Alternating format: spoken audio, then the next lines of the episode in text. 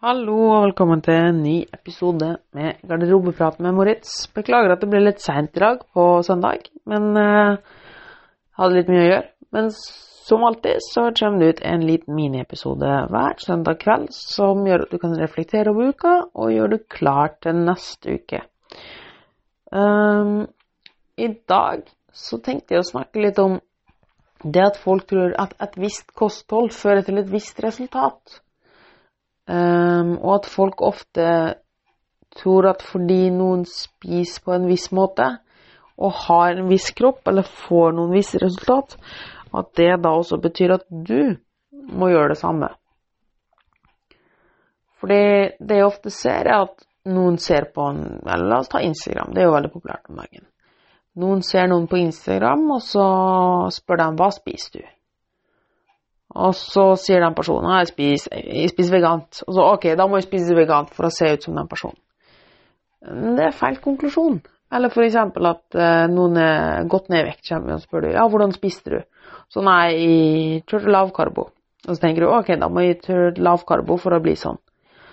Uh, men poenget er jo ikke at vedkommende blei sånn pga. kostholdet sitt, eller pga. en spesifikk diett. Hele poenget her er jo at vedkommende klarte å opprettholde dietten sin, eller kostholdet sitt, et sunt kosthold, ved hjelp av denne dietten, eller dette spisemønsteret.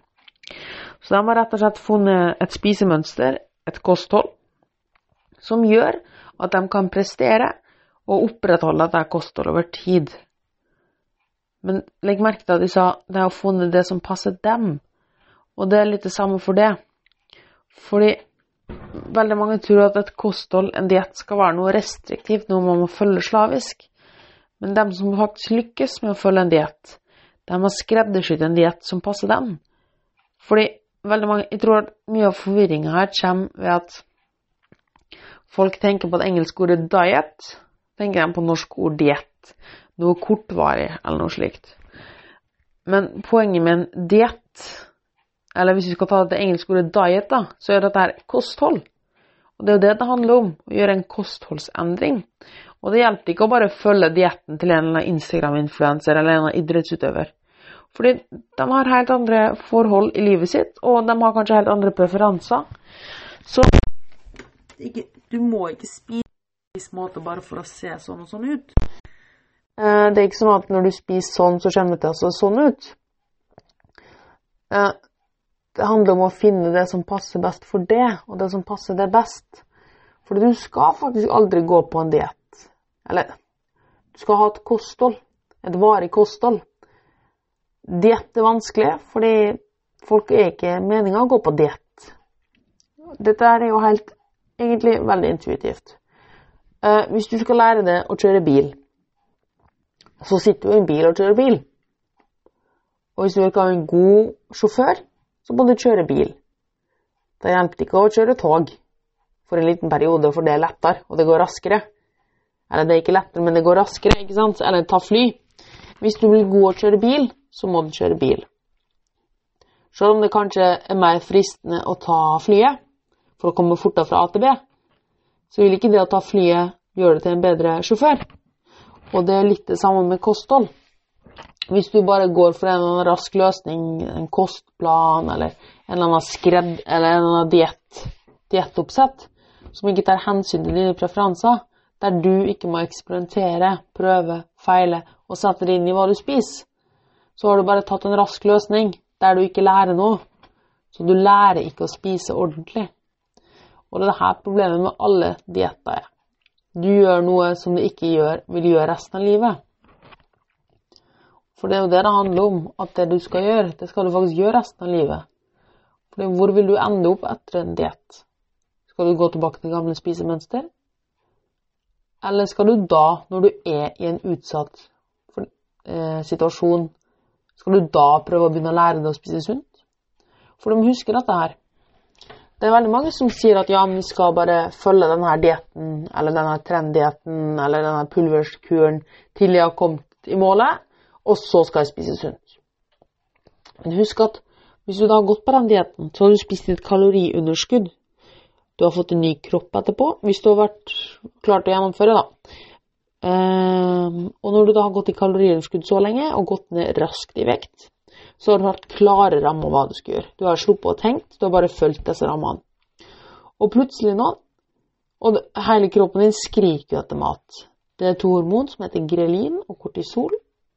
De vil være veldig, veldig høy, og de vil gjøre at kroppen din skriker etter mat. Så du er med andre ord veldig ustabil. Og i denne ustabile situasjonen så skal du plutselig begynne å ta fornuftige valg. Du skal slutte å ha noen som kjører det. Du skal plutselig bli sjåfør. Tror du virkelig at det går bra? For det tror ikke. Er det ikke bedre, så mest sannsynligvis vil du gå på en smell, for det blir altfor mye å gjøre. Så bruk nå heller den tida når du faktisk er god og stabil og har mye vekt, eller hvis du har mye å tappe, eller hvis du vil prestere, bli bedre og flinkere på noe, eller øke muskelmasse, så gå fra start én og ta steg for steg. Og ta, den lærdommen må du ta uansett en eller annen gang. Så om du tar den med en gang, eller om du først gjør deg sjukt svak, og så skal du gjøre det um, Spar alle pengene. Spar faktisk tid ved å ikke gå på sånne trenddietter eller sånne ting. Det finnes ikke noen diett som passer Eller det finnes ingen diett som er skrevet opp, som passer det. Det finnes ikke noe kosthold en kostholdsplan som passer det perfekt. Det, ingen, det er ikke sånn at du er vegan diett kommer til å passe det best. Og veldig mange tror nå at en diett skal begrense en, men det er jo akkurat det motsatte en diett skal gjøre. En diett skal kunne gjøre at du kan prestere og utfolde det som menneske, eksperimentere, spise god mat. Men det krever kunnskap, og det krever lærdom. Det krever at du må sette deg inn i hva du spiser. Og det gjør du ikke hvis du bare følger en eller annen diett som er på nettet. Du skal følge én diett i livet ditt. Og ifølge én diett Det finnes én diett i livet mitt som funker for min del. Ett kosthold som vi kan oppnå alt med. Vi kan gå ned i vekt, vi kan gå opp i vekt, vi kan holde vekta, vi kan prestere. Det kalles Moritz-dietten. Og før du kommer løpende etter hvilken diett jeg følger, hvor jeg finner hemmeligheten, så skal jeg si til deg det finnes altså bare én diett du kan følge. Et kosthold som gjør at du kan oppnå målene dine. Om det er noe å gå ned i vekt, øke i vekt eller prestere. Og det er Innsett navnet ditt dietten. Kari-dietten, Ola-dietten, eh, Marie-dietten, Peter-dietten, Ole-dietten. Din diett. Du må lage din diett og ditt kosthold, for det er kun du vet hva du liker å spise, og hva som fungerer for din del. For å gå tilbake til analogien med bilen, da. For du tenker, hvis du sånn, ja, men det er mye lettere å gå ned i vekt hvis de følger denne dietten her. Den sier akkurat hva jeg skal spise. Ja, det stemmer det. Og så skal vi gå til scenarioet etterpå igjen. Du skal begynne å lære deg å spise. Sannsynligvis så vil du falle tilbake til den gamle vanen igjen og gå på en smell. Hvorfor det? Jo, la oss nå si at du går tilbake til bildietten, nei, bilanalogien. Du tar fly til New York. I New York så setter du en bil og skal begynne å kjøre.